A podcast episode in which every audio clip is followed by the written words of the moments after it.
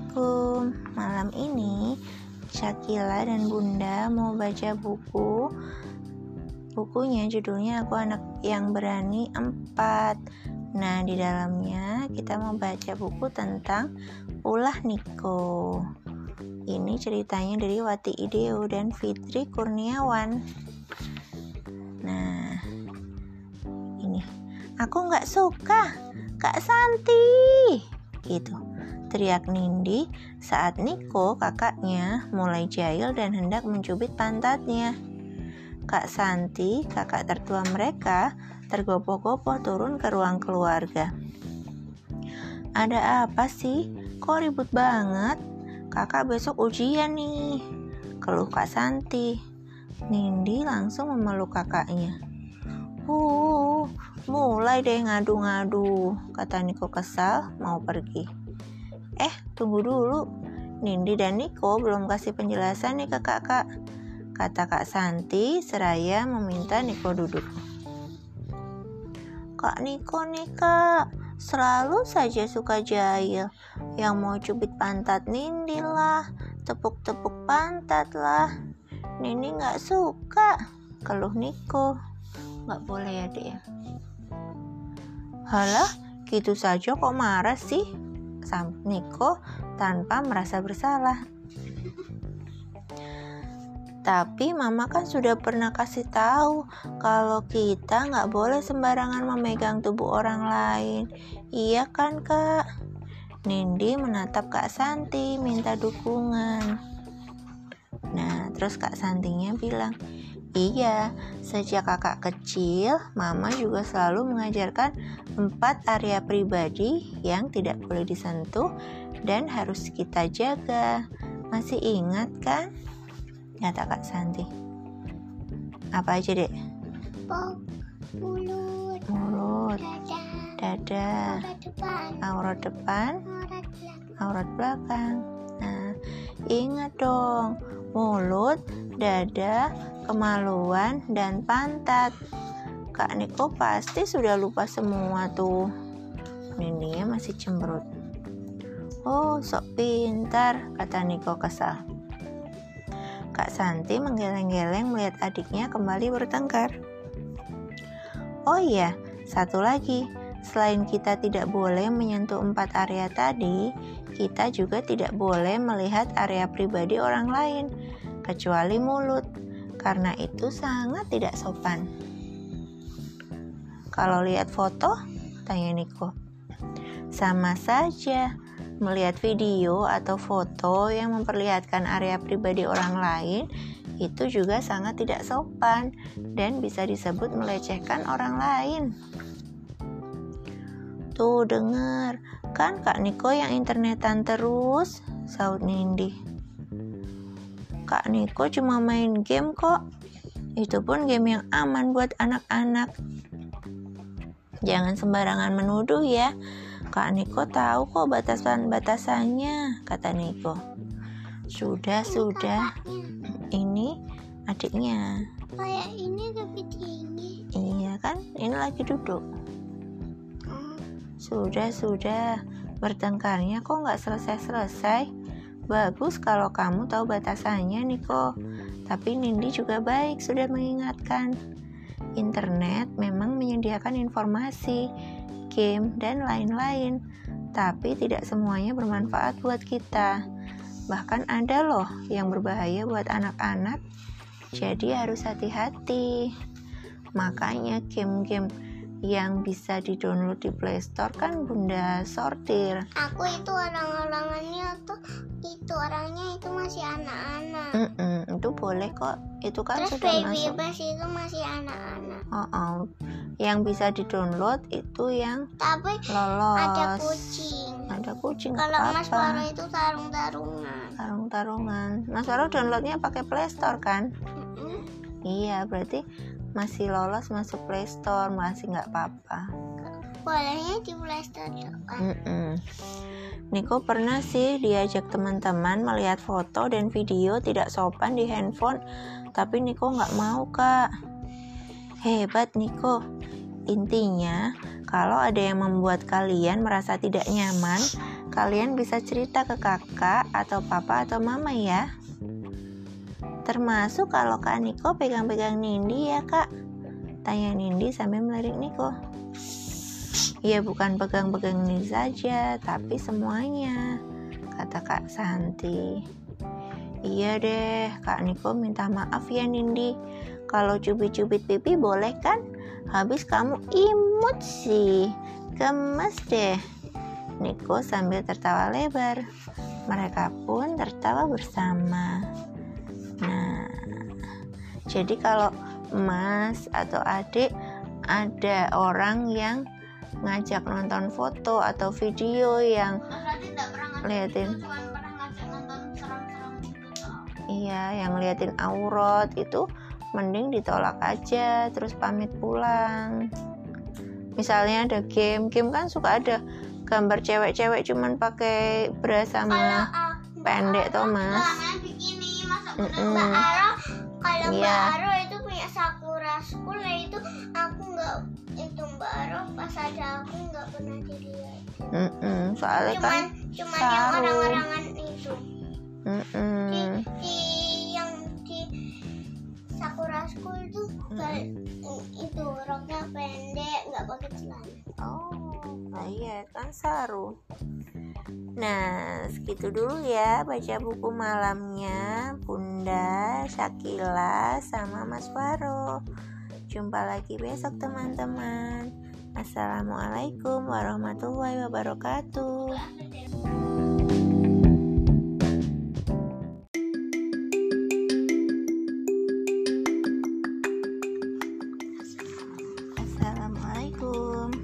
Malam ini Bunda Mas Farud Kila sama Papa. Eh sama Papa. Papa nggak ikut baca. Mau baca komik. Yang Komiknya berjudul Wow 41 penemuan dahsyat. Komik anak-anak yang bermutu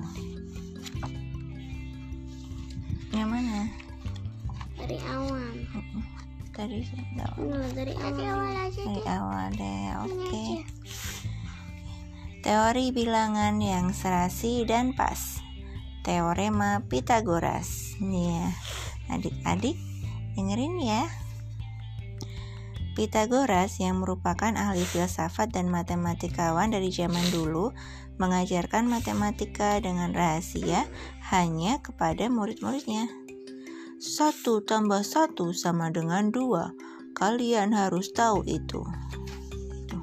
Terus apa muridnya ada yang komentar, Astaga, dia memecahkan pertanyaan yang sulit dengan mudah. Memang guru ya. Benar-benar jenius, gitu kata murid-muridnya. Pencapaian terbesar yang dia tinggalkan yang dikenal sampai sekarang adalah teorema Pitagoras. Kuadrat hipotenusa dari segitiga siku-siku sama dengan jumlah kuadrat dari dua Oh, sisi lainnya. Seketika siku-siku. Mm-mm, segitiga kan ada tiga macam, ada bermacam-macam Siku-siku. siku. Segitiga sama kaki. Uh-uh. Sama Sisi. sisi. Ada lagi satu lagi segitiga sembarang. Segitiga sama segitiga siku-siku. Tapi karena inilah maka timbul pertengkaran di antara murid yang mengikuti Pitagoras. Kalau guru bilang begitu, artinya ya begitu. Tapi pada ajaran kali ini ada yang aneh, kata muridnya gitu. Hmm. Pertengkaran tersebut akhirnya menyebabkan kematian seorang rekan. Bagaimana terjadinya? Yuk kita coba ikuti dari awal. Uh, mati gara-gara matematika. Ini sungguh tidak adil. Nah, jadi awalnya ceritanya Pitagoras itu lahir di Pulau Samos di Laut Aegea. Tapi dia pergi ke Kroton yang ada di bagian selatan Italia untuk menghindari tirani dari monarki. Tirani itu apa? Tirani itu minoritas. Perasaanku nggak enak, aku harus pergi. Selamat jalan, kata orang tuanya. Nah, Pitagoras yang membuat perkumpulan rahasia di tempat Pitagoras itu juga apa? dianggap sebagai tokoh yang misterius. Katanya Pitagoras itu anak dewa. Bukan, katanya dia itu temannya setan. Pitagoras artinya apa? Namanya Pitagoras ini. Sekolah Pitagoras berpikir bahwa bilangan adalah dasar dari semua hal. Oh, gurunya namanya Pitagoras. Ha-ha. Semua bahan di dunia itu bisa dijelaskan dengan bentuk geometri seperti segitiga atau segi empat. Maka setiap bilangan punya arti etis. Bilangan ganjil itu hidup dan bilangan genap itu jahat. Kalau mengalihkan jumlah laki-laki tiga dengan jumlah perempuan dua, maka jumlah pernikahan jadi enam juga percaya bahwa di dunia ini hanya ada bilangan asli seperti 1, 2, 3. Bagus kalau serasi dan cocok. Ini apa nih? Hmm? Angka. Cocok. Nah, Pitagoras menemukan bahwa nilai panjang hipotenusa adalah 5 bila perbandingan panjang dari kedua sudut sikunya 3 dan 4 pada segitiga siku-siku. Ini adalah penemuan besar yang sampai sekarang siapa pun gak bisa menemukannya, kata Pitagoras. Terus dia anu apa? Oh, anu apa ya kok sholat siapa ya? Dia berdoa. Terima kasih karena membuatku menemukannya. Tapi, bila perbandingan dari kedua sudut sikunya satu banding satu, maka panjang hipotenusa menjadi akar dua, yang bukan merupakan bilangan asli. Hal tersebut sangat mengguncang sekolahnya sehingga keseluruhan, secara keseluruhan. Sampai sekarang kita belajar kalau nggak ada bilangan, bilangan lain selain bilangan asli kan? Masalah ini kita rahasiakan dulu, jadi jangan cerita kepada siapa pun, kata Pitagoras. Ayo cari cara untuk mengekspresikan akar dua dengan bilangan asli. Tapi salah satu di antara muridnya yang bernama Hippasus memberitahukan rahasia itu keluar. Maka para murid lain yang marah lalu bunuh pengkhianat, lempar dia dalam air gitu. Pitagoras Pitagorasnya dibunuh Kenapa? oleh sekolah lain yang menentang sekolahnya. Kenapa? Ya karena dia belum bisa menjelaskan tentang akar dua Malah itu. laki. Nah, ini? selesai teman-teman. Matematika itu apa? Sekian ya cerita tentang Pitagoras. Nah, Pitagoras ini nanti kalian temui ketika teman-teman sudah belajar matematika tentang rumus menghitung panjang sisi pada segitiga sama sisi eh, segitiga sama segitiga siku-siku maaf kasih. Wassalamualaikum warahmatullahi wabarakatuh.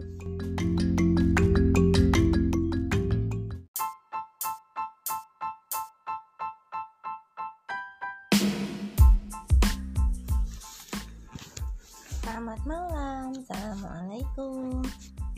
Aku nyalain matiin lampu sama nyalain. Ah, boleh. Malam ini Bunda sama Syakila nanti aja itu mau cerita tentang teman baru. Teman baru ini ada di dalam buku Aku Anak Yang Berani 4 karangan Watik Ideo. Nah, untuk teman baru ini cerita dibikin oleh Fitri Kurniawan. Ya, Dek. Kenapa Nah. lah bunda? Ya, sore itu cuaca cerah. Tami, ikut kakak ke toko buku yuk. Terus nanti kita beli es krim. Yeay, mau. Gitu kata Tami. Ya, nah, Tami itu adiknya. Adiknya kakak. Tami, Miss Tami. Miss Tami ya. Mereka pergi ke pusat perbelanjaan naik bis. Kak Fani sudah kelas 3 SMP, jadi mama mengizinkan mereka pergi sendiri. Kalau Tami yang pergi sendiri nggak boleh karena masih kecil. Umurnya seaku. Uh-uh, masih lim- lima tahun. Setiba di pertokoan, mereka menuju ke toko buku. Tami segera sibuk memilih-milih buku. Agak cepat deh milihnya, kata Kak Fani gelisah. Memang kita mau buru-buru ke mana sih kak? Es krimnya nggak akan meleleh kok. Hehehe, canda Tami. Ayo deh buruan aja, serga kakaknya tanpa menghiraukan gurauan Tami. Kakaknya kesusu. Terus sesampainya di kedai es krim, mereka memesan es krim kesukaan mereka. Kak Fani masih saja gelisah. Kakak kenapa sih? Tanya Tami penasaran. Hmm, sebenarnya kakak mau ketemu sama teman. Kami janjian mau ketemu di sini. Teman? Itu katanya Tami. Iya, kenalan di internet. Katanya dia mau pakai kaos biru. Ini nih fotonya, gitu. Kata Kak Fani. Kak Fani nunjukin foto pemuda yang kira-kira umurnya 16 tahunan. Lebih tinggi dari kakaknya. Mm-mm, lebih tua dikit. Tapi kak kok kenalnya di internet sih? Kelasnya udah SMA kata ibu ku, kata ibu guruku itu bisa berbahaya. Karena kan kita nggak tahu siapa dia sebenarnya kata Tami khawatir. Nggak mungkin lah. Aaron baik kok. Dia sekolah di SMA di pusat kota. SMA favorit itu katanya Kak Fani. Omnya nakal. Hmm, nggak tahu nih kan belum ketemu itu. Tapi dia bisa saja bohong kan? Kata Tami lagi. Ih udah. Jangan terlalu khawatir gitu. Ayo bantu kakak cari dia kata Fani. Agak kesal tiba-tiba ada lelaki paruh baya berbaju biru mendekati mereka. Halo Fani Kapika ya? Saya omnya Aaron. Dia nggak bisa datang hari ini.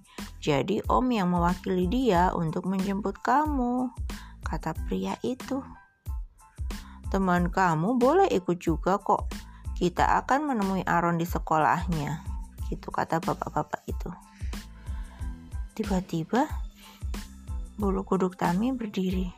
Kak, jangan mau, Jangan mau, kita segera pergi saja. Gitu katanya adiknya. Kalau om benar-benar omnya Aaron, kenapa om yang memakai baju biru bergambar penguin yang seharusnya dipakai Aaron? Lalu, bagaimana om tahu julukan Aaron buat saya? Jangan-jangan Kak Fani udah mulai curiga. Takut dia. Jangan-jangan apa deh?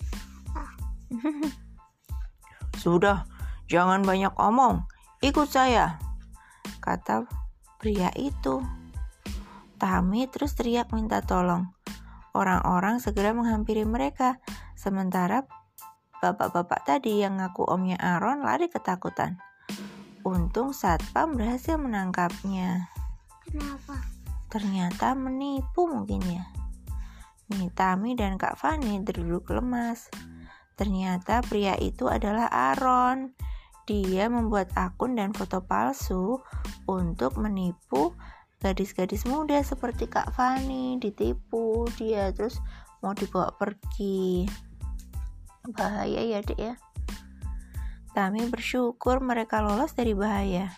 Kak Fani juga berjanji tidak akan mau diajak bertemu orang yang hanya dikenalnya dari media sosial yang bisa saja berbohong dan mengaku menjadi siapa saja. Oh, oh, jadi tadi si omnya itu bilangnya Aaron, terus bilangnya umurnya masih 16 tahun, padahal kan udah tua. Jadi kalau kenalan sama orang lewat internet itu nggak boleh ngasih data-data pribadi, nggak boleh ngasih nomor HP, nggak boleh kasih alamat, karena bisa jadi orangnya itu mau mau deh ada niat yang gak baik ya? Nah begitu ya teman-teman. Hati-hati ya kalau punya media sosial. Harus diawasi mama atau papahnya gak boleh main sendirian. Kayak dek gila kan ya? Selalu diawasi. Terima kasih. Wassalamualaikum warahmatullahi wabarakatuh.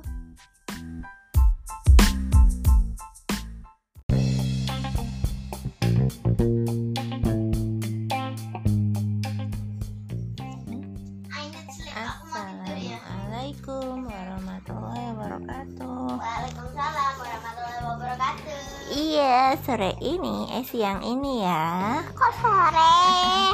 Mas Faru, Dek Kila sama Bunda mau baca buku dari buku Aku Anak Yang Berani 4 tentang tantangan kalung bikinan Fitri Kurniawan. Yuk didengerin yuk. Iya. nah ini ceritanya siang hari Hendra sama Tommy pulang sekolah jalan di depan rumahnya Pak Dibio. Pak Dibio ini punya anjing namanya Coki. Anjingnya galak. Nah si Tommy lagi ikut tantangan mau ngambil kalungnya si Coki. Terus kata Hendra, Tom, kamu bantu rekam videoku ya. Nanti aku mau ambil kalung si Coki, kata Hendra. Kenapa diambil? Iya, mau ikut tantangan ngambil kalung yang ada di sosial media. Ih, Nanti dikembaliin. ini kata Tommy. Kok bener Apa? i gitu. itu pertandingan tidak masuk akal namanya ya "Mm-mm, nggak masuk akal. Apa? Bener kok tadi Coki. kok i gitu. Iya, bentar. Anjing Pak Dibio yang galak banget itu buat apa? Tanya Tommy. Terus, aku dapat tantangan dari grup di media sosial yang aku ikuti. Tantangannya adalah mengambil kalung dari anjing galak, gitu kata Hendra. Aduh, bahaya banget tuh. Jangan deh kalau menurutku, kata Anissa yang ikut mendengar percakapan mereka. Ih, ikut-ikutan aja sih kamu, Nis. Teman-teman satu grupku sudah dapat kalung anjing semua. Kalau aku nggak dapat, malulah. Aku pasti dikeluarkan dari grup. Apa kata dunia? Gitu kata Hendra. Semangat. Aku yakin dunia nggak akan berkata apa-apa sih, Indra, kata Anissa. Sudah, kamu nggak usah ikut campur deh, Nis. Gitu Hendranya marah-marah. Aku sudah menyiapkan tulang, nih, buat umpan. Nanti kamu tinggal ikuti dan rekam aku ya. Lagi pula si Coki kan dirantai, jadi aman lah, kata Hendra kepada Tommy.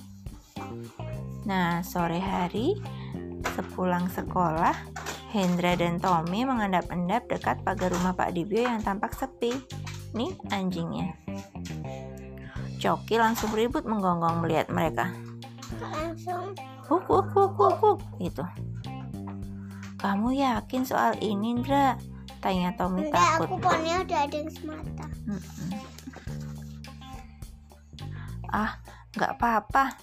Kamu siap, kata Hendra. Walaupun dalam hati Hendra, dia juga takut. Tapi demi nama baiknya di grup, dia harus menguatkan diri untuk melakukannya. Masih mengendap-endap, Hendra mendekati Coki yang tampak semakin garang. Hendra Dia melemparkan bisa sedikit ini. bisa. Hendra Makan. melemparkan tulang ke Coki. Coki tampak tertarik dan segera menggigiti tulang itu. Dengan hati-hati, Hendra mendekatinya. "Shh, Pelan-pelan, gitu kata Hendra. Tiba-tiba, "Wuh, kuk, kuk, kuk, kuk, kuk, kuk, kuk, kuk, kuk, kuk, kuk, kuk," gitu. Coki malah berontak marah saat Hendra mencoba mencopot kalungnya. Coki lalu menggigit tangan Hendra, sementara Tommy lari tunggang langgang. Pada takut ya. itu apa sih gambar di bawahnya gugu gitu loh Gambar ini tuh huruf C. Kalungnya ada tulisannya C, Coki. enggak itu loh di bawah tuh itu loh di tulisan gugu gugu gitu loh Sandal. Sandalnya si Hendranya kan lepas. Untung saat itu Pak Dibio dan Bu Dibio tiba bersama Anissa. Lalu mereka berhasil menenangkan Coki. Hendra dan Tommy pun segera minta maaf kepada mereka. Pak Dibyo yang seorang dokter segera mengobati luka gigitan di tangan Hendra. Ih, maaf aku ikut campur lagi, tapi aku sangat khawatir, kata Anissa kepada Hendra. Nggak apa-apa Nis, justru karena kamu, aku tidak luka terlalu parah. Aku menyesal sudah ikutan tantangan konyol tanpa pikir panjang, kata Hendra. Kesakitan dia. Dia juga minta maaf kepada Tommy karena sudah mengajaknya masuk ke situasi berbahaya. Hendra pun keluar dari grup di media sosial yang diikutinya. Dia berjanji tidak akan mudah terpengaruh dan melakukan tindakan konyol berbahaya lagi hanya demi kelihatan keren di media sosial. Nah, makanya kalau di media sosial atau di grup-grup kayak WhatsApp gitu, ambil yang sisi baiknya ya. Kalau yang jelek-jelek nggak usah diikutin. Bu, makanya boleh beliin HP-nya waktu udah gede. Mm-mm, beli HP udah gede. Saat itulah Mama Suaro sudah tahu mana yang baik, mana yang buruk. Sekian ceritanya teman-teman. Semoga bermanfaat ya. Assalamualaikum warahmatullahi wabarakatuh.